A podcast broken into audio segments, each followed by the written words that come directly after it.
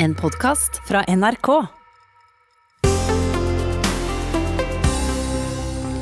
«2020 ble et år med krise. Helsekrise, men kanskje enda mer økonomisk krise. Neste gang blir det noe annet. For etter mange tiår der verden bare gradvis ble tryggere og rikere, kan det føles som vi nå får den ene krisen etter den andre rett i fleisen. Klimakrise, terror og demokratikrise i verdens største demokrati i USA. Velkommen til Debatt P2. Jeg heter Sigrun Aasland, og jeg er nestleder i Tankesmien Agenda. I dag har vi fått låne to timer sendeflate her på P2, og vi snakker om kriser. Ikke bare koronakrisa, men også den neste krisen som kan ramme oss, og ikke minst hvordan vi kan være godt forberedt. Litt senere skal vi spørre noen representanter for den som faktisk jobber der ute eh, med kriseløsninger. Da kommer Folkehjelpa og Bondelaget og LO. Men først skal vi ha et utenfrablikk fra forskere og eksperter. Ole Andreas Engen, du forsker på kriser og krisehåndtering ved Universitetet i Stavanger. Og tidligere i sendingen har vi hørt om alle de ulike krisene som kan ramme oss. Hacking, flom, skred, ras, terror og nå pandemi. Sånn overordnet, hvordan står det til med den norske beredskapsevnen i dag? Jeg tror nok vi kan si at den norske beredskapsevnen, altså relativt sett, hvis man sammenligner Norge eh, med andre land i verden, så er den relativt god. Det som er problemet alltid når vi snakker om kriser og det å forberede oss til uforutsette hendelser, er jo usikkerhet. Altså Vi vet ikke hva som kommer til å ramme oss i framtiden. Og vi vet heller ikke så veldig mye om de konsekvensene som da, som da vil skje når uforutsette hendelser opptrer. Og De konsekvensene kan både være av teknisk karakter, og de kan være av sosial karakter, og de kan også være av kulturell karakter. Mm. Så usikkerheten den vil vi alltid ha med oss. Men ut fra et sånn personlig ståsted så vil jeg si at Norge er relativt godt rustet, ja. Stian Antonsen, du forsker på trygghet. Hva tenker du om vår evne til å møte så mange ulike mulige kriser? Nei, Jeg tror jo Andreas har rett i at eh, Norge er i det store og hele et veldig trygt land å bo i. Eh, men vi har nok uh, de siste årene får nesten si man må uh, ta med seg 22.07 også. Men det, i, koronakrisen så har vi nok fått en ganske brutal lærdom knytta til at det er en del kriser som ikke oppstår brått med et smell, men som mer eh, sniker seg innpå oss. Langvarige nasjonale hendelser som involverer alle samfunnsmessige sektorer og befolkninga som helhet. En litt annen eh, type krise enn det man vanligvis har i hodet når man beredskapsplanlegger og eh, kartlegger hvilke ressurser man trenger og hvor lenge man skal få dem til å vare. Mm. Er det de langsomme, krypende krisene, eller hva slags kriser er det dere er mest bekymret for evnen vår til å møte på en god måte? Ole Andreas først. Ja, jeg vil jo Jeg tror nok jeg deler den bekymringen som de aller fleste deler i dag også globalt sett, det er jo selvfølgelig klimakrisen. Det er jo ikke noe overraskende svar. Det som egentlig bekymrer meg kanskje ved siden av, er hvordan samfunnet håndterer disse krisene. Altså hvordan vi rigger oss rent uh, politisk, hvordan vi rigger oss rent reguleringsmessig. Hvordan vi samtidig klarer å ivareta de verdier og de institusjoner og ikke minst det demokratiet og til syvende og sist den tilliten som er en forutsetning for at vi kan ha et trygt og forutsigbart samfunn. Så det er tosidig her. Det er både de, både de, krisene som kommer og den usikkerheten som, som, som medfører Eller som kommer av de krisene. Men så er det også hvordan samfunnet klarer å håndtere det, og de konsekvensene det har. Mm. Stian, hvilken type krise er vi dårligst rustet til å møte? Eh, på lik linje med alle andre så eh, er det helt opp i dagen at eh, klimaendringer kommer til å skape nye utfordringer for oss. Men så er det litt sånn flerfrontskrig. For selv så er jeg veldig opptatt av det digitale, den digitale sårbarheten. Og det er ikke fordi at sannsynligheten nødvendigvis trenger å være så høy, men konsekvensene kan være enorme. Og det her handler overhodet ikke bare om hacking og omsinna angrep. Vi omgir oss med stadig mer software, og kritiske samfunnsfunksjoner avhengig av milliarder av kodelinjer i dataprogram. Og såpass avhengige som vi er av de samfunnsfunksjonene, vi blir mer og mer avhengige av dem. Infrastrukturene blir mer og mer kritiske. Så er det en, en sårbarhet som ligger på konsekvenssida. Altså selv om, om sannsynligheten kan være lav, så kan risikoen være høy, fordi at konsekvensene er uspiselige. Aksel Fjelldavli, du er rådgiver i Tankesmien Agenda og har studert beredskap og krisehåndtering og ulike krisescenarioer de siste årene. I 2015, eh, da kom Riksrevisjonen, altså Stortingets kontrollorgan, med ganske knusende kritikk av Justisdepartementets arbeid med beredskap. Hva tenker du konklusjonen hadde blitt hvis Riksrevisjonen skulle ta for seg en tilfeldig valgt del av beredskapsapparatet i dag? Ja, Den eh, kritikken som kom i 2015, det var vel ordlyden fra riksrevisor Per Kristian Foss noe, noe, sånt som at eh, dette er noe av den mest alvorlige kritikken de har levert mot et departement, mot, eh, mot Justisdepartementet. eh, Pga. Uh, mangler i deres arbeid, bl.a. med samordning og koordinering, som det ble pekt på etter, etter 22.07. Eh, jeg er ikke fremmed for at det kunne kommet en tilsvarende konklusjon knytta til noe annet i, i beredskapsapparatet vårt også. Eh, og, og i, i, den forstand at en del av de ambisjonene som Stortinget har på vegne av fellesskapet om hvordan beredskap eh, vi skal ha, eh, ikke blir eh, fullstendig eh, oppfylt. Eh, blant annet så har jo vi i Tankesmien Agenda eh, jobba med å, å utrede hvilke, hvilke, utfordringer vi ser i beredskapsapparatet. en av de tingene vi peker på, er jo at de ressursene som finnes i de eh, ytre leddene eh, lokalt, eh, ikke står i stil med de utfordringene som disse, disse, ressursene skal møte. Og På toppen av dette så har vi jo sett en, en, annet en sentralisering av politiressurser. Det er sånn at brannvesenet tar mange helseoppdrag som de ikke har kompetansen til å møte nødvendigvis. Og støtten fra Sivilforsvaret er ikke så god som den burde vært pga. bl.a. Eh, gammelt utstyr. Og I tillegg så er det jo vedvarende utfordringer med silotenkning i beredskapsapparatet, og, og utfordringer med, med koordinering som, som, er vedvarende, og som også blir forsterka av at offentlig sektor blir splitta opp i mer komplekse organisasjoner. Deler blir satt ut til private aktører, og det gjør det vanskeligere å få til denne, dette samarbeidet og, og den eh, koordineringa.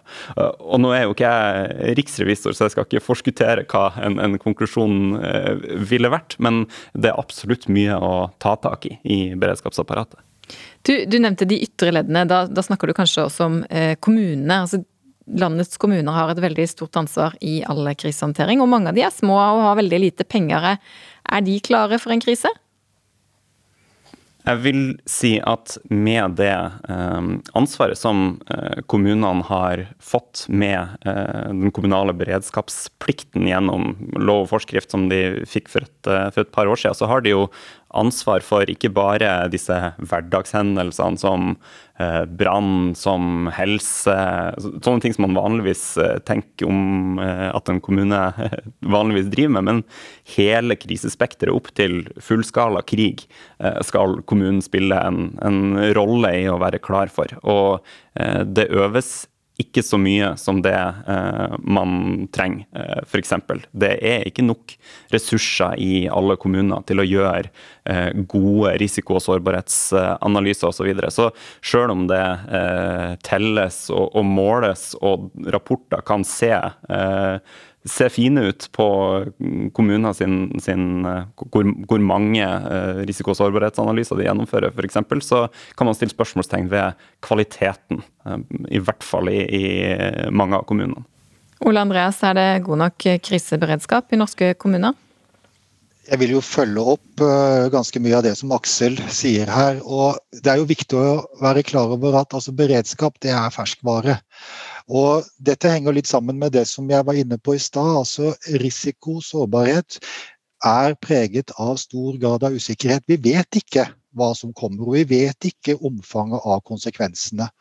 Og det krever både en sofistikert organisasjon, det krever gode risiko- og sårbarhetsanalyser, og det krever også kunnskap om den metodikken og ikke minst det å utvikle den metodikken som disse risiko- og sårbarhetsanalysene eh, krever. Så kommunene de trenger kompetanse. Og de trenger også de nødvendige organisatoriske og intellektuelle ressurser for å kunne håndtere eh, den beredskapen som er påkrevet. Så der er jeg langt på vei enig med Aksel. Det er, eh, det er eh, relativt uh, uh, tankevekkende at kanskje den kommunale beredskapen ikke er god nok i Norge i dag. Ikke minst med tanke på de konsekvenser vi vil se som kommunene må håndtere når det gjelder klimaendringer. Men Stian, hvis man sitter ute i en mellomstor norsk kommune, man skal øve på krisehåndtering. Hvordan øver man på en krise som ikke har skjedd ennå? Det der er en andre som vet mer enn meg, men jeg har et inntrykk av at det, det er ganske lett å øve på den, den, forrige hendelsen, eller det som vanligvis skjer med en sjøl. Uh, og så er det noe med som det er nevnt tidligere, at uh, det er noe med å øve på en måte som virkelig utfordrer svakhetene knytta til samvirke og koordinering med alle de aktørene som er involvert, for det er veldig mange, også i en mellomstor norsk kommune. Så det å gjøre øvelsene mer kalles strukturelt forvaltningsmessig krevende. At de, de pirker der man vet eh, at det er utfordringer. Det, det, er nok viktig for læringsevnen. Men jeg kunne også tenke meg til å nyansere litt det her rundt kommunenes rolle. for at um, Jeg vil nesten si at all erfaring tilsier at kommunene er ekstremt dyktige til å håndtere det som skjer, når det først har skjedd. Men så er spørsmålet det å kunne prioritere det forebyggende arbeidet, forebyggende og forberedende arbeidet i fredstid. Eh, der er kommuneøkonomien sånn at du må ha avveininger mellom eh, mange gode hensyn. Og noe haster, og noe haster mindre. Eh, forebyggende, forberedende beredskapsarbeid er den siste kategorien. Og der, det er jo et faktum at man har et enormt vedlikeholds- og investeringsetterslep innenfor vann og avløp. Altså en del sånne helt målbare eh, størrelser som blir verre og verre for hvert år. Så kommunene trenger eh, kompetanse og, og fag og alt sånt, men de trenger også penger til å ha tid til å gjøre det her. Ole Andreas? Ja, jeg vil bare understreke at jeg er helt enig med, med Stian. Det som er viktig, er jo at kommunene er jo de aktørene som kan ha lokal kompetanse. Det er de som er rigget slik at de kan utvikle lokal kompetanse. Og som da vil være de som er de beste aktørene som kan tre på banen når krisen faktisk skjer. Så at kommunene har den, både de intellektuelle og de organisatoriske ressursene og muligheten til å prioritere riktig, slik som Stian er inne på, det er veldig viktig i en beredskapssammenheng. Mm. Eh, Aksel, eh, tidligere i sendingen hadde vi besøk av eh, Direktoratet for sikkerhet og beredskap, og de eh, spådde jo ganske korrekt allerede i fjor at en pandemi med stor sannsynlighet kunne ramme oss eh, og få alvorlige konsekvenser. Eh, men i samme rapport så anslo de at en pandemi, et tenkt scenario, kunne forårsake 8000 døde og så langt er det jo heldigvis mye mindre her i Norge, og litt under 20 milliarder kroner i kostnader, som vi jo nå vet ble veldig mye mer. Hvorfor undervurderer vi konsekvenser og kostnader av kriser så totalt? Mm. Eh, Samfunnsutviklinga eh, er jo sånn at eh, verden blir stadig mer kompleks og sammenvevd. Eh, og jeg tror det er veldig vanskelig å vurdere i forkant helt nøyaktig hvilke konsekvenser en, eh, en krise kommer til å, å få. Så tror jeg man undervurderer den eh, kompleksiteten og sammenvevinga. Og, når jeg sier det, så er det jeg konkret mener, er at vi har fått en globalisering av eh, handel, eh, kommunikasjon, eh, menneskemøter. Det har jo bl.a. vært eh, en av grunnene til at en pandemi kunne komme så raskt til Norge. Eh, vi har fått mer Eh, privatisering av det som tidligere var eh, nei, altså helhetlige eh, organisasjoner i, i, det offentlige. vi har fått en digitalisering som består av veldig lange kjeder med aktører som samarbeider med hverandre. og det som skjer da når en krise inntreffer, er jo at den sprer seg fra kan da spre seg fra den sektoren den treffer i første omgang, eh, til å, å også gjelde andre sektorer. Og Det gjør jo at den pandemien vi står i nå, ikke bare er en helsekrise, men er en krise som rammer eh, store deler av samfunnet. Men hvis vi hadde gått tilbake 100 år i, i tid, så hadde kanskje eh, konsekvensene av en pandemi vært Altså helsekonsekvensene hadde vært større, men kompleksiteten av eh, de konsekvensene for samfunnet samla sett hadde vært helt annerledes. Flere av dere har vært inne på at et av utviklingstrekkene som utvilsomt bidrar til økt kompleksitet og nye former for sårbarhet, er eh, digitalisering. Men hva er det vi kan gjøre for at eh, vi skal bli mindre digitalt sårbare? Eh, Aksel, har du noen eh, forslag? ja, Dette er jo eh, igjen i kategorien eh, komplekst spørsmål, fordi digitaliseringa treffer så store deler av samfunnet samtidig.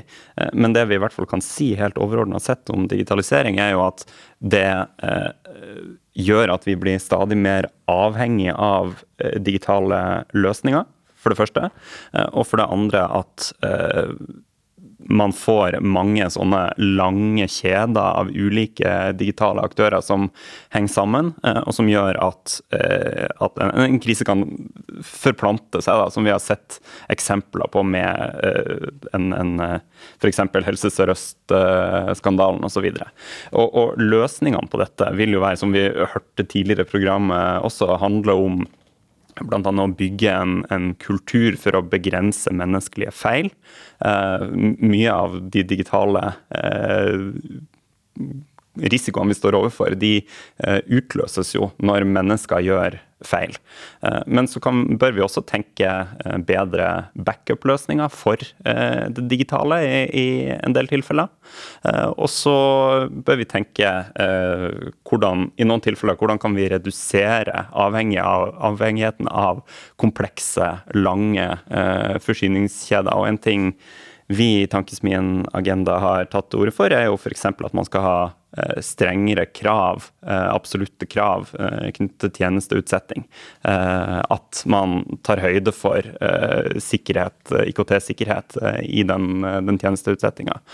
Og dessuten så tenker jeg det er en god idé at man bygger opp større kapasitet i det offentlige på skytjenester. At man ikke gjør seg avhengig av å lagre data fra det offentlige i andre land, eller data som er større styrt av andre land sin, eh, sin lovgivning.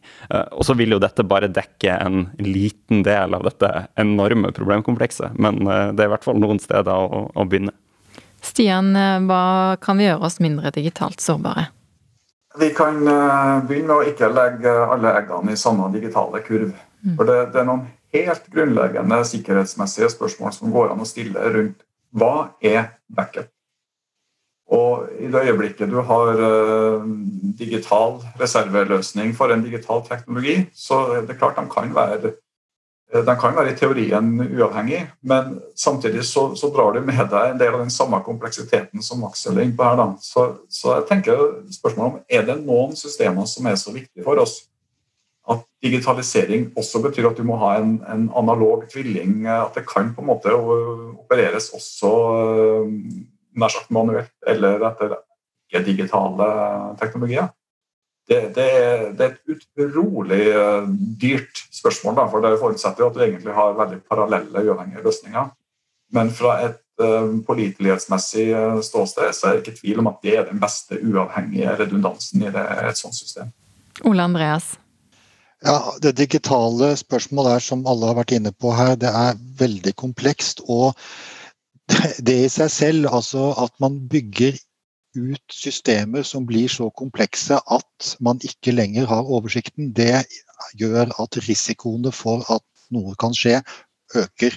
Og at de risikoene ligger skjult i selve systemet. Det er liksom litt standard teori på kompleksitet, teknologiske systemer og risiko. Det som antageligvis fra mitt ståsted bør være, en, eh, bør være en strategi, er at myndighetene og, da, og, myndigheter må komme sterkere på banen. Det må rett og slett foretas en politisk utfordring mot, for, mot de store internasjonale teknologigigantene. Man må også politisk sett uh, skape en form for kollektiv uh, handle kollektiv handling. Det gjøres jo bl.a. i EU, slik at man kan demme opp for, eh, f.eks. da at data kommer på avveie, eller at noen data kan, kan brukes eh, på andre områder enn det de var tiltenkt osv. Altså, dette er et stort spørsmål. Men at man må inn på reguleringssida, mye mer sofistikert, det er jeg helt overbevist om. Mm. Vi skal litt eh, over til et annet tema, fordi neste år er det ti år siden terrorangrepet på regjeringskvartalet og ungdommer på AUF-leir på Utøya. Og Stian, jeg vet at du har forsket på oppfølging av 22. juli-hendelsene eh, og lærdommen fra de. Hva kan du si om hvordan det har gått? Har vi blitt noe bedre? Ja, det har jo skjedd eh, masse. Det er det ingen tvil om. Men det er ikke alltid like lett å se koblingene mellom de tiltakene som har vært gjort, og de anbefalingene som ligger i 22. juli-kommisjonens rapport. For den rapporten, i hvert fall sånn som jeg har lest den, så er det i stor grad en kulturdiagnose. Altså man, eh, der kommisjonen skriver om holdninger, kultur og lederskap, så, så peker det på, på det uformelle sida ved eh, norsk offentlig sektor, og hva man er i stand til å prioritere. Eh, men der eh, diagnosen peker på kultur, så peker medisinen i stor grad på struktur og ting som i anførselstegn er lett å endre. Så Der kommisjonen skriver om holdninger, kultur og lederskap, så blir, forsvar, blir svaret f.eks. knytta til antallet politidistrikt. Der er det et sprang. Det er ikke nødvendigvis noen motsetning i at man, man kan endre på struktur for å endre kultur. Men jeg klarer ikke helt å se koblinga eller eh, masterplanen som viser hvordan man har tenkt at strukturendringene skal medføre den kulturendringa som faktisk etterspørres. Så, så der, der, eh, har det for meg skjedd et uh, sprang. Men så skal man, og det her er viktig, man skal ikke glemme det faktum at 22.07 har skjedd i seg sjøl det er en kulturendrende faktor og en nasjonspregende hendelse. Og, og det å ha fått uh, så brutale erfaringer gjør noe med hva man tenker er mulig og viktig nok til å gjøre noe med det som Gjørv-kommisjonen omtaler som, uh, som, risikoerkjennelse. Det skal man ikke undervurdere som en, en kulturendrende faktor uh, her. Aksel, jeg vet at du har vært opptatt av hvordan måten vi organiserer offentlig sektor påvirka beredskapen vår, eh, og også lærdommen fra 22.07. juli. hvordan, eh, hvordan da? Ja, jeg, jeg, tenker jo kultur og struktur, eh, organisasjon, henger sammen og spiller over i hverandre. Og en av de tingene som Gjørv-kommisjonen skrev om, var jo måten eh, ledelsen Eh, altså ledelse eh, ble utøvd i eh, politiet. Det ble bl.a. pekt på mange og detaljerte resultatmål i ledelsen av, av politiet. Og en ting vi har sett da etter 22.07, er jo at antallet detaljerte resultatmål på beredskapsfeltet har ikke gått ned, men de har økt. Eh, og man har noen eh, grunnleggende utfordringer med eh, målstyring og hvordan målstyring fungerer på i, innen beredskapen. Og denne, denne målstyringa gjør jo at man rapporterer oppover internt i den siloen man jobber i, bl.a. Og det bidrar til å sementere den, den, siloen man, man rapporterer i. Eh, og detaljnivået i eh, rapporteringskrav gjør jo også at man bruker tid på, eh, på, på rapportering heller enn å jobbe operativt med, med beredskap. Så, så, det er en konkret ting med, med organisering og styring som, som, jeg har vært opptatt av. Mm. Vi står jo også midt i en eh, krise nå. Vi må jo håpe eh, at vi har lært noe av den.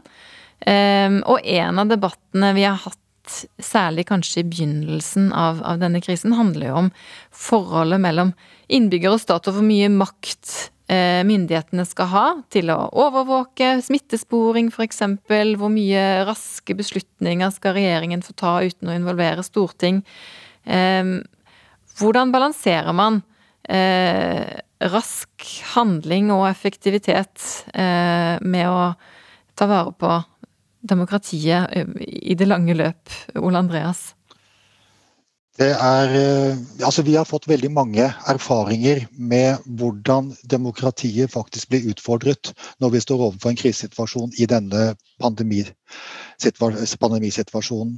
Og det er helt klart at når vi var i mars, så hadde myndighetene eh, veldig lite handlingsrom, egentlig, fordi at usikkerheten var så stor og usikkerheten var stor både med hensyn til selve smitten, og den var også stor med hensyn til konsekvensene og smittespredningen og hele Altså bildet var veldig komplekst. I slike situasjoner så må man tenke føre var. Og føre var, det er beslutningsregel som man skal ta under usikkerhet. Og det myndighetene gjorde, var jo da å gå inn med tiltak som var ganske radikale. Og i noen sammenhenger så gikk man utover det som kanskje er ja, godt i et demokratisk eh, samfunn. Ehm, etter hvert som kunnskapsgrunnlaget blir bedre, så må man jo selvfølgelig også finslipe hvordan man skal anvende tiltakene. Og her bør man ha et veldig klart demokratisk kompass til stede. Og det har bl.a. juriststanden i Norge vært veldig flinke til å påpeke. Så det å raskt balansere mellom det som er demokratisk tilrådelig, og det som da kan gjøre krisentiltakene gode, det er ganske viktig eh, lærdom for myndighetene i denne krisen her. Så jeg håper at lovverket får en eh, liten eh, skal vi si, makeover i etterkant, slik at føre var-prinsippene som da må anvendes i krisesituasjoner, i lettere grad kan kunne anvendes uten å komme i konflikt med andre eh, demokratiske verdier. Helt kort til slutt, eh, Stian. Hva tenker du er det viktigste vi kan lære av koronakrisen? På et sånn praktisk nivå så er det, det er nok ganske mange aktører, kanskje spesielt i kommunene igjen, da, som vanligvis ikke regner at de har beredskapsoppgaver, som har oppdaga at det har de faktisk i rikt monn. I alle sektorer, og også innenfor det private. Og så kunne jeg bare tenkt meg til å føye på litt på det som Ole Andreas sier. For den på vei ut av en uh, sånn krise, så, så, uh, som vi forhåpentligvis skal ut av ganske snart, så kommer spørsmålet om hva er det den krisen her kan legitimere av endring. Jo større krisene blir, jo større er potensialet for at det legitimerer endring, og gjerne endringer som gjør noe med forholdet mellom innbyggere og stat. Etter terrorangrepene i New York i 2001 så ble det innført uh, en Patriot Act, som, som ga utvida rettigheter til å anholde og avhøre innbyggere, som i stor grad fortsatt gjelder. Sånn Det er ingen grunn til å tro at det som skjer i krisen, blir i krisen. Så det er all grunn til å være på vakt mot denne um, utglidninga av uh, demokratiske prinsipper. Da skal jeg få si tusen takk til Stian Antonsen, professor ved NTNU, professor ved Universitetet i Stavanger Ole Andreas Engen og Aksel Fjelldavli, rådgiver i Tankesmien Agenda. Snart skal vi snakke med noen som står midt i krisehåndteringen.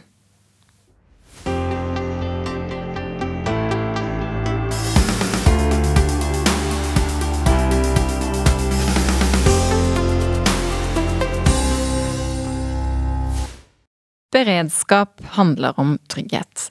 Men trygghet for hvem?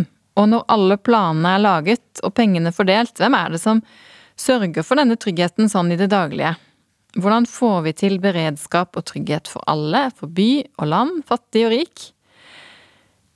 Lise Bech Jacobsen, velkommen til deg. Du er kommunikasjonssjef i Norges Bondelag. Opplever dere at kriseberedskapen vår er like god overalt i landet, eller er det forskjeller? Ja, jeg tror nok at på, på, et, på, en måte så er, det, så er det likt over hele, over hele, landet. For det er noen strukturer som heldigvis ligger på, på plass. Og for vår sektor så, så har jo bonden som sådan et eget ansvar for å ha sin beredskap i forhold til sin produksjon. Men det er klart, når det skjer noe uventet, eh, som en flom eller lignende Vi hadde et eksempel f.eks. i Jølster for eh, i fjor, i 2019. Da, da, viser det seg jo at da er det kanskje ikke så likt fordelt likevel. Når politiet ikke er de som kommer frem først. Tvert om, de kommer faktisk ikke frem fordi veien er stengt. Og da er det bygda uh, som må klare seg selv uh, og finne ut av hvordan det skal gå. Uten uh, telekommunikasjon og andre virkemidler, så ingen kunne snakke med omverdenen i det hele tatt. Så, så, det er klart, hvor i landet du bor, det avgjør nok også beredskapen. Men som sagt, i forhold til akkurat bondens egen ansvar for sine dyr og sin matproduksjon, så har de sitt, skal de ha sin beredskap for 72 timer. Og sin beredskapsplan for det meste, faktisk, som man nesten ikke tenker skal skje. Uh, man skal kunne klare seg i 72 timer? Det skal man faktisk. Og det var jo de nye vel, ble sagt både for næring og for folk flest fra 2015. At vi har det ansvaret. Så også jeg på Bislett skal klare meg i 72 timer, men også bonden skal kunne gjøre det. Spesielt eh, de som da driver med dyreproduksjon, har jo ekstra ansvar for at det er varme nok, mat nok, vann nok osv. Are Thomasgaard, eh, velkommen. Du er sekretær i LO, som blant mange andre også eh, organiserer mange av dem som står i førstelinje når små og store kriser inntreffer. Ehm, og eh, vi har snakket om tidligere i denne sendingen at det har skjedd en sentralisering av flere av beredskapsetatene. Eksempel eh, er politiet kanskje mindre til stede lokalt enn tidligere. Hvilken betydning har det for beredskapen? Det, det, betyr jo at uh, du må kompensere der, der, du tidligere hadde politikraft. Det må du kompensere med, med det du har. Vi har jo sett uh, eksempler på at der brannvesenet kommer først til stedet, blir sittende og vente ganske lenge fordi at uh, politiet er sentralisert. Og, eh, og, må inn i situasjoner som ikke de er trent for. Og vi skal jo være veldig, veldig klar over det at vi har fantastisk mange dyktige brannfolk rundt omkring i Norge, men veldig ofte er det deltidsbrannfolk. Og det er en begrensa hvor mye kompetanse og hvor mange situasjoner du kan, du kan eh, utsette de for. Det, det, det, det, er nesten umenneskelige situasjoner de kommer opp i ved at, ved at du har sentralisert. Sånn at beredskapen og sentraliseringen av beredskap, sånn som politi, vi ser det også med Direktoratet for, for sivil beredskap, med Sivilforsvaret. Det vi er kun 8000 mennesker igjen i Sivilforsvaret i Norge. Det, det er krevende å drive et så langstrakt land med så fjell og kyst og alt vi har i Norge. Det, det, det er krevende. altså 8000 i Sivilforsvaret, det er ikke mye, altså. Så, så beredskapen vår er begynt å bli bygd ned gradvis. Og det har vi, det har vi fått merka litt i denne pandemisituasjonen. Heldigvis så har vi så sterke strukturer også. Eh, samfunnssikkerhetsstrukturer som inntektssikring, som en velferdsstat, som, som, som, igjen gir trygghet og tillit og alle de tingene her, som jeg ser vi skal snakke litt om seinere. Så, så, så, vi har kommet oss ganske greit igjennom. Men jeg er bekymra. Jeg er bekymra for sentraliseringen av beredskapen. Og jeg er bekymra for om folk får det samme tilbudet i hele, hele landet. Vi så det med luftambulansen oppe i nord kjempeutfordringer i perioder fordi at en ikke får det, får det, til. og Det handler jo om hvilken politikk driver en i grunnlaget for dette. Så vi har massevis av utfordringer og vi har massevis av lærdom å trekke med oss fra den situasjonen som vi står i akkurat nå. Og vi har også massevis å hente fra hva, hva, situasjonen bringer andre steder i verden. Så det er spennende tider, utfordrende tider, men, det, men en skal ikke ta vekk en bekymring. Det er en bekymring i forhold til kommende kriser. Det kan være helt andre typer kriser vi kommer opp i enn det vi ser akkurat nå. Henriette Westrin, stat og kommune og myndigheter er selvfølgelig avgjørende og, og, må virke i en krise, men så er vi også et land av frivillige. Og når vi går oss bort i fjellet, eller når store ulykker skjer til sjøs og på land, da er også dere der fra Norsk Folkehjelp, eh, og der er du generalsekretær. Har, eh, tenker du at svakheter i nærberedskapen der ute har kommet til uttrykk under koronakrisen? Ja, det, det, vil jeg si at den har. Eh, og For å starte med å eh, sånn, si noe om den samme utfordringa som du ga tidligere om hvorvidt det er en lik beredskap i hele landet, så tenker jeg at det soleklare svaret på det er nei. Eh, men så er det jo også sånn at svaret må på et vis være nei. Fordi at det er ikke sånn at alle kommuner kan ha høykompetente sykehus. Norge er et ekstremt variert land. Eh, og Derfor så vil også beredskapen være variert. Men den diskusjonen jeg mener vi ikke har tatt i Norge, er hva er god nok beredskap? Så hva bør være det minimumet som alle har, uansett hvor man bor. Vi har lokallag på Sørøya i Finnmark. Der kan det ta opptil fire timer før den offentlige beredskapen dukker opp. Det er klart det stiller helt andre krav til frivilligheten enn det gjør for oss når vi er i Oslo. Hvor vi, vi bidrar på en annen måte, sånn at frivilligheten har en ulik rolle på ulike steder i landet. Noen steder må vi drive en form for førstelinjetjeneste, hvor vi trenger mye mer kompetanse, mye mer utstyr eh, enn man trenger andre områder. Mens eh, andre steder blir vi mer en avlaster som kan komme på toppen i sånne kriser som vi ser nå. Men når det er klart når det gjelder dette med søk og redning og mer akuttberedskap, så trengs frivilligheten uansett. Fordi at det vil aldri være sånn at det offentlige kan være de som har ressurser til å gå langt ut i marka eller opp på en topp eller hvor det skal være. Sånn at eh, vi trenger den norske Vi trenger frivilligheten. Og jeg tror at også der så mangler det en struktur, en anerkjennelse og en plan for hva skal være frivilligheten sin rolle, og ikke minst en anerkjennelse av at også frivillighet koster penger. Fordi at de frivillige, de må ha utstyr. De må ha det som trengs av grunnleggende førstehjelpsutstyr, og de må ha kompetanse. Det er ekstremt viktig at for en person som står i en krise, så er det ingenting å si for den personen om det er en brannmann eller en ambulansepersonell eller en frivillig som kommer. Det den personen er opptatt av, er at beinet blir spjelka eller hjertet blir starta igjen. Og da må du sikre at kompetansen er god nok. Så det utstyr og kompetanse også for frivillige, å sette noen standarder, det, det mener jeg vi ser vi trenger i Norge. Mm. Are Thomasgaard, eh, vi kan ikke ha alle typer beredskap alle steder, men er det noe vi kan gjøre for å få litt bedre beredskap flere steder, som du var bekymret for? Ja, altså, jeg, var inne på f.eks. det med luftambulanse. At vi har stabile eh, enheter som kan være med og understøtte. Og så må, så må en se, som, som Henriette sier, at du må se på hva hva er beredskap, og hva er godt nok rundt omkring i de forskjellige stedene. Og jeg mener at det er mye du kan gjøre ute i distriktene. Jeg si tid så var jeg saksordfører for ambulanseplanen i Hordaland. Jeg satt i Hordaland fylkesting en gang i perioden. Og da, en gang i tida, da, da, da var vi oppe i denne problemstillingen med, med å få f.eks. på plass hjertestartere, kompetanse blant folk til å håndtere dette. Eh, der vi hadde helkontinuerlige arbeidsstyrker. Der, der, kunne vi bruke de inn. Vi hadde frivillige organisasjoner som gjør en formidabel jobb, og som har en stor vilje til sikkerhet og beredskap i egne samfunn. Men det må understøttes av fellesskapet. Altså det, det, det, er viktig. sant? Det må settes av ressurser til dette arbeidet, slik at, slik at den ikke blir, blir skrelt ned og skrelt ned og skrelt ned. Og Det er det jeg opplever at frivillig beredskap, eh, flere av de områdene vi snakker om her, de, de er ut de utfordrer med knappe ressurser, rasjonaliseringstiltak, eh, og at en sentraliserer eh, funksjoner inn mot de store byene. Der òg skal vi ha en skikkelig beredskap, men, det må brukes mer ressurser på, på samfunnssikkerhet og beredskap. Hvis ikke så blir det kolossalt dyrt når vi står i situasjonene. Mm. Eh, Lise, du var inne på at bøndene selv har planer for hvordan de skal klare seg i, 72 timer i en krise, slik vi alle skal ha. Men så er det vel også sånn, som Henriette også var inne på, at mange steder når en krise inntreffer, så eh, tar det lang tid før offentlige myndigheter kommer, og så trenger vi bønder som kommer med sine møkkaspredere og slukker brannen, f.eks. Eh, som et supplement. Er det en type beredskap som vi kan regne med å ha fortsatt i framtida, eller er den på noen som helst måte under press også? Ja, Den er jo under press i den forstand at eh, det er jo avhengig av at vi da fortsatt har bønder over hele landet som jo egentlig landbrukspolitikken vår er bygget opp under at vi skal ha. Kanskje ikke da nødvendigvis med beredskap i bakhodet, men det er jo den funksjonen som er ganske viktig som, eh, som bonden kan ha, som du sier. Eh, når det var flom på, eller når det var brann i Lærdal, så var det vann i møkkasprederne som, som, gjorde at det ikke ble, tok helt av.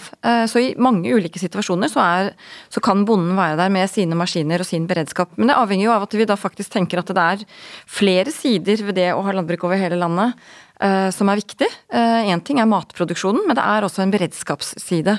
Så jeg tenker det kan være lett å ta for gitt at man tenker at det med bonden er det jo, griper seg fast, for å si det sånn. Men det er jo nødvendigvis ikke tilfellet. Så en aktiv politikk for det jo, må jo ligge til grunn for at man faktisk da kunne regne med at bonden kan stille opp i slike situasjoner. Og det gjør jo bonden også gjerne. Og så tenker jeg at da er det noe med strukturen, som også Henriette og eh, Are var inne på. at Da bør man jo på forhånd fra både kommunens side og også andre etater ha tenkt over hvem er hvor, hvem bor hvor, hvem har hvilke maskiner, og hvilken støtte kan man da også beregne å få i etterkant for de kostnadene man selvfølgelig da har. Men ut ifra det så vil bonden som regel alltid gripe til sin traktor eller sin møkkaspreder og kunne bidra. Mm. Uh, det, men de må fortsatt være der, faktisk, for at det skal kunne skje. Det skjer ikke av seg selv. På samme måte som man heller ikke kan forvente at matproduksjonen fortsetter uh, sånn helt uten videre. Men det er jo et annet beredskapsspørsmål også. Ja. Mm. Are Thomasgaard? Ja, nei, jeg, tror det er også viktig å ha med seg at eh, næringspolitikk, dette med utviklingen i distriktene, det å skape og utvikle legge til grunn rammer for arbeidsplasser i distriktene, det er jo også en avgjørende faktor for, eh, for beredskap. Det at, det at vi har livskraftige samfunn, og livskraftige samfunn får du ikke uten arbeidsplasser. og Derfor er også dette en viktig sammenheng. Så Når vi snakker om sentralisering, så er ikke beredskapen en silo for seg, og så er næringspolitikken en silo for seg. er, altså det, Dette her henger sammen, og det er viktig for, for, for, oss å få fram. Så det å understøtte at vi har nærings, eh, nær, næringsutvikling, arbeidsplasser som bygger på de fantastiske naturressursene våre, bygger på landbruket vårt, skogen vår, fisken vår, det er helt avgjørende igjen for at vi kan etablere de gode beredskapsstrukturene. Og da, da, og da kan du også Refte ref det Henriette tok opp, da kan du også ha en større beredskap ute i distriktene fordi at du har et aktivitetsgrunnlag som forsvarer det. Mm. Henriette? Ja, det, det, tror jeg er viktig og riktig poeng du tar opp der. Eh, men en ting som vi også ser at varierer veldig fra kommune til kommune, er det, å, eh, det vi kaller øve i fredstid. Og nettopp det at kommunene tar ansvar for å tenke hvilke ressurser er det vi har, og sikre samhandling. Fordi at når krisa treffer, så trenger du ha et velsmurt maskineri. Og da trenger du å vite hvilke bønder er det som kan stille opp. Hva skal være frivilligheten sin rolle? Hvordan fordele? Hva gjør vi når vi vet at politiet har mye lengre utrykningstid enn vi hadde tidligere? Eh, vi kan diskutere eh, om dette er en god eller dårlig ting, men det er ingen tvil om at utrykningstida har blitt lengre. og Man har ikke tatt inn over seg konsekvensen av det. Hva, hva, skal brannfolk gjøre når de står der aleine? Eller frivilligheten? Hvilken myndighet skal vi ha, hvilken myndighet skal vi ikke ha? Hva skal vi gjøre? Og en del kommuner så gjør de dette. Ca. 50% av kommunene har liksom det øvelse på samvirkemodellen, som jo er egentlig ganske unik. At vi har en samvirketankegang også innenfor beredskapen. Men den vil bare fungere hvis man vet hvordan man kan utfylle hverandre. Sånn et ansvar som jeg tenker at alle kommuner bør ta i større grad, er nettopp det å øve før krisa kommer, sånn at vi er mer beredte når det dukker opp. Mm. Eh, nå står vi jo midt i en sånn spesiell type krise, en, en, pandemi. Og man eh, kan jo tenke at både den og kanskje andre typer krise også, som kommer litt sånn plutselig, et ras eller en flom, at da rammes Jørgen Hattemaker og kong Salomo helt likt. Hva tenker du om en sånn påstand, Are? Nei, altså, For det første så, så, er det jo En pandemi, en epidemi, er, jeg, jeg, er ikke helt enig i at det er spesiell krise. Det er en av de mest vanlige krisene, i hvert fall verdensomspennende kriser. Det var tre ganger forrige århundre så var vi inne i en pandemi. Så Sånn sett så er det jo litt overraskende at det kommer så overraskende. At vi er så dårlig forberedt. Da snakker jeg ikke om først og fremst Norge, da snakker jeg om, om worldwide, for å si det sånn. Og Det som òg vi ser veldig tydelig, er jo at uh, samfunnskritiske stillinger det er blitt noe helt annet når vi nå står i krisa enn det var enn det var før vi gikk inn i krisa. Da tenkte vi gjerne at det de blålysetatene, altså brann, eh, helse og, og, og, eh, og politi som, som, var liksom beredskaps med, med sivilforsvar, den biten der. Men nå har vi sett det altså, at butikkmedarbeideren, vi har sett det at bonden vi har sett at de som transporterer varer, de som, altså, de som står i det. Og mange av de er jo også i utsatte eh, situasjoner i sin hverdag. Ikke minst helsearbeiderne, som står midt oppi det med smittetrykket rundt seg. Som skal behandle folk som er blitt syke, og som, som igjen skal, skal, hjem til sine egne med den risikoen og den. Og det, det går jo inn også på det psykososiale arbeidsmiljøet. Så, så, det er veldig enkelt å si det at vi, vi, er like og alle de tingene her, men det er ingen tvil om at uh, i, i, arbeidslivet så, så har, det, har denne krisen som vi står i nå, vist oss at eh, samfunnskritiske stillinger Vi har mange flere av de, og vi, vi er jo veldig stolte i LO, må vi si. For vi, vi, representerer jo disse arbeidstakerne som, som, som, gjør en fantastisk jobb, nesten på dugnadsinnsats. Sant? så, så, så vi, vi, må jo også rette en stor takk for den, den enorme innsatsen som, som blir nedlagt hver eneste dag for at vi skal komme oss gjennom dette på en god måte. Men vi ser også det at det har med ressurser å gjøre. De som har minst ressurser, de kommer dårligst ut i forhold til dette. Vi har nå en arbeidsledighet Den var på det meste opp i 20 430 000. Nå er vi rett over 200 000. Vi er litt på vei opp igjen pga. nedstengningen vi har hatt nå før jul. Klart En kjempeutfordring for de som står utenfor. De har også et enormt trøkk i dette. her, og, og, og vi, vi, er bekymra i forhold til den ledigheten som, som vi vil sannsynligvis måtte slite med lenge etter denne krisa. Derfor er jo tiltakspakkene så viktige. Det at vi, det at vi tar ned, at vi holder, holder mest mulig av hjulene i gang, slik at vi slipper å starte hjul opp igjen på nytt igjen. For det er jo ingen tvil om at denne pandemien er forbigående. Egentlig så er det unødvendig å miste arbeidsplasser på denne krisa, fordi vi vet den er forbigående. Så det handler egentlig om å holde hjulene i gass, sånn, sånn, sånn, at vi ikke må starte alt opp igjen fra scratch når vi kommer ut av krisa, men at vi er i farta, for å si det sånn. Så det er mange aspekter rundt dette. Men vi er bekymra for de som har minst. Vi er bekymra for rusmisbrukere, vi er bekymra for de som, de som har utfordringer. De utfordringene har blitt større. De er blitt mer skjult, for vi sitter hjemme. Vi er avlukka fra hverandre i de sosiale fellesskapene. Og vi har masse å ta fatt i. Sånn, sånn at her er det, ja, det utfordrer oss på veldig veldig mange områder. Og, og vi, vi, må trekke lærdom av det, det er én ting, men vi må også handle nå når vi står i det, og gjøre, gjøre det best mulig for, for, for, flest mulig når vi kommer oss gjennom det. Mm. Henriette, hvordan merker dere i deres arbeid fordelingen av krise, krisens kostnader og byrde? Den krisen vi står i nå, skiller seg jo fra andre kriser vi har stått i de siste åra, fordi den er så lang i tid. Eh, og det gjør jo at eh, man merker det eh, på andre måter enn ellers. Og vi ser jo også dette med ensomhet, isolasjon, og vi er bekymra for de langvarige konsekvensene. Også bare sånne ting som hva skjer nå som man har tatt bort feriepenger for arbeidsledige? Får du nå en sommer hvor stadig flere unger ikke har råd til å dra på ferie, blir værende hjemme? Altså Konsekvensene kommer til å vare over mye lengre tid. Men jeg har også lyst til å si at eh, i en del kriser så er det i Norge heldigvis sånn eh, at du får lik hjelp helt uavhengig av lommeboka di. Men vi skal heller ikke ta det som en selvfølge. For det er jo svaret på det er jo i stor grad en sterk tillitsbasert velferdsstat og gode velferdsordninger, som vi ser at utfordres stadig. Og den dagen du får et helsevesen hvor stadig mer vris over til at det er de som har gode forsikringer som kommer først i køen, så vil også eh, skillene bli mye større. Og når det sikkerhetsnettet faller ned på andre områder, så vil skillene også bli større innafor de krisene som i dag behandles likt. Så jeg tror vi vi må ikke ta det som en selvfølge og si at alle får lik beredskap på de fleste områder. For det gjør de heldigvis på mange områder i dag pga. politiske valg og pga. det systemet vi har bygd opp, som skiller seg veldig fra mange andre land. Jeg kan ikke dy meg for å kaste et lite blikk internasjonalt. For det vi har sett med denne pandemien her, er jo at i veldig mange land så er dette blitt en matvarekrise, og ikke en eh, helsekrise. Fordi at man stengte ned økonomien for å hindre at smitten spredde seg. Så før smitten begynte å flytte seg inn i landet, så var, mista allerede folk inntektsgrunnlaget sitt. Og når du da ikke har noe sosialt sikkerhetsnett, så rauser samfunnet veldig fort sammen. Så liksom viktigheten av det sosiale sikkerhetsnettet, av velferdsstaten, den må vi bare få løfta skyhøyt. For jeg tror ikke helt folk forstår hvor ekstremt viktig del av beredskapen eh, velferdsstaten er. Mm. Lise Henriette nevnte eh, matvarekrise. Eh, og det var vel mange som var bekymret i begynnelsen av denne krisen også, på om vi hadde nok mat i Norge? Ja, definitivt. Det var jo Det gikk jo løs i butikkene, eh, rett og slett. Med boksmaten og spagetti la capri og toalettpapir. var vel de produktene som føk ut fortest. Og det sier jo kanskje litt om også hva vi får i, i ryggmargen. Altså vi skal sikre oss. Plutselig kommer man jo på at vi egentlig må passe på selv at vi har det vi trenger. Uh, og man blir usikker på, på, det, på, det, nærmeste. Og så tror jeg det også på en måte er et tegn på at man tar mange andre støtteordninger for gitt. Det er maten og hva vi selv skal klare oss med som, som man tenker på. Men er det et sted hvor det på en måte har gått uh, greit da, gjennom denne krisen her, som vi ser, så er det for så vidt matforsyningen.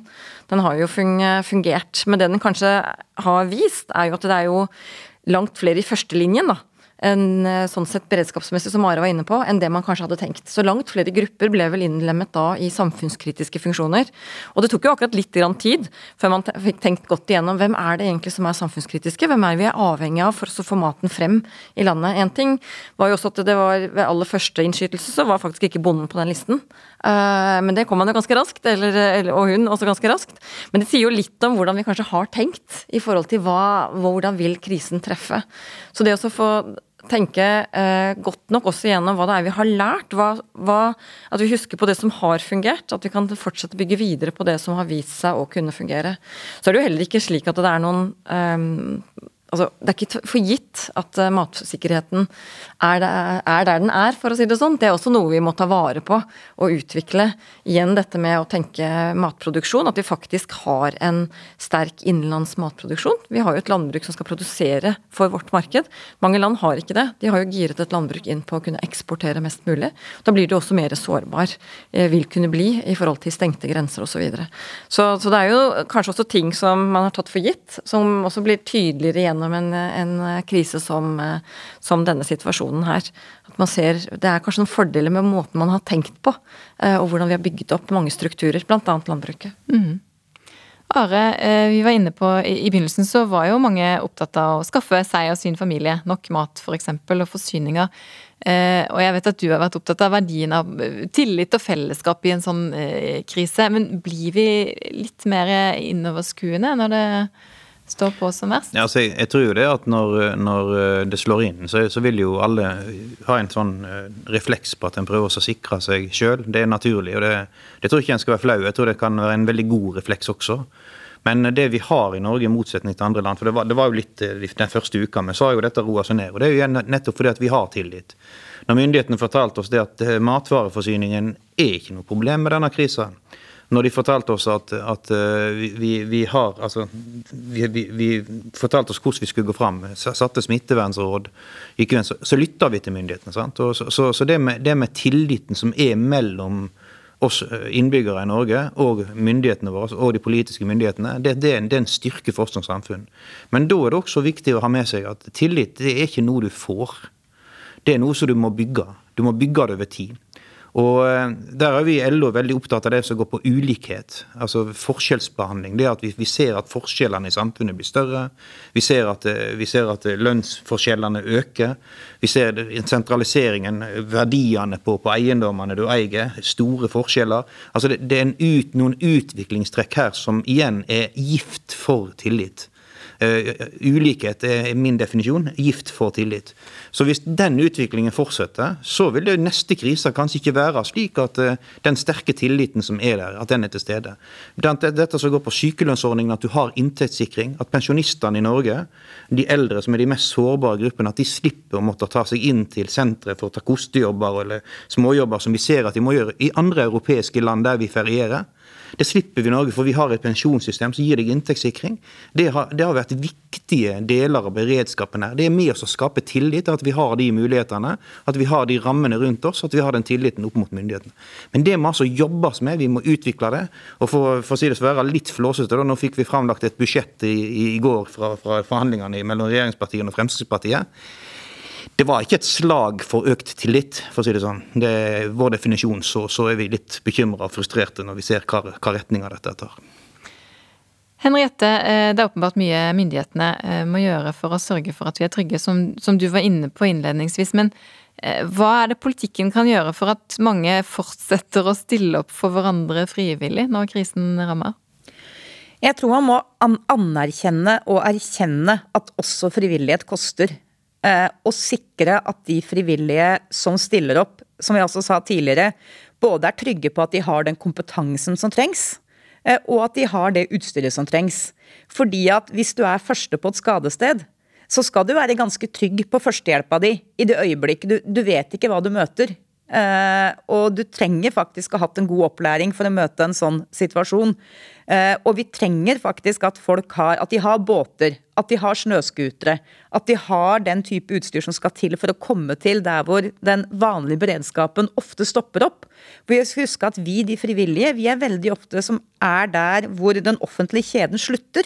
Hvor ambulansen ikke kommer fram, hvor, eh, hvor, det er for langt ute og for langt borte, da er det frivilligheten som overtar. Men den anerkjennelsen av at også det er ressurskrevende, den ser vi i altfor liten grad. Å lage en samla plan for hva trengs av frivillighet, og hvilke ressurser krever det? Å få det på plass, sånn at de frivillige kan være trygge på at de er kompetente og har det som trengs når krisen treffer. For det er jo det er så mange som har lyst til å bidra, og det er så mange som har lyst til å være med. Uh, og det ser vi jo også. Det er ikke sånn at folk bare har vendt seg innover i denne krisetida. Mange har også vendt seg utover og sagt hvordan kan vi bidra til fellesskapet? Hvordan kan vi stille opp? Og det er altså så enormt mange tusen timer som folk bruker av fritida si nå for å ta vare på fellesskapet. Uh, men da må vi også sette folk i stand til å gjøre det på godt vis.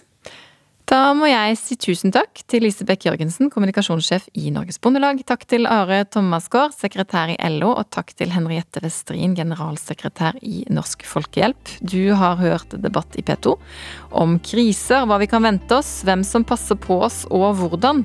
Og hvordan vi kan stå bedre rustet for framtidas små og store kriser. Vi har snakket med sikkerhetsmyndigheter, med forskere, eksperter og med førstelinja, og neste krise blir neppe en pandemi, men vil også kreve sterke fellesskap, evne til å samarbeide på tvers av etater og nivåer, og vil koste. Aller dyrest er det å spare penger på forebygging og deretter bruke mye mer på å reparere skade. Det var Tankesmien Agenda som hadde ansvar for denne sendingen. Hvis du ikke fikk med deg hele, kan du høre den på nytt akkurat når du vil. Jeg heter Sigrun Aasland, jeg er nestleder i Tankesmien Agenda og takker for følget.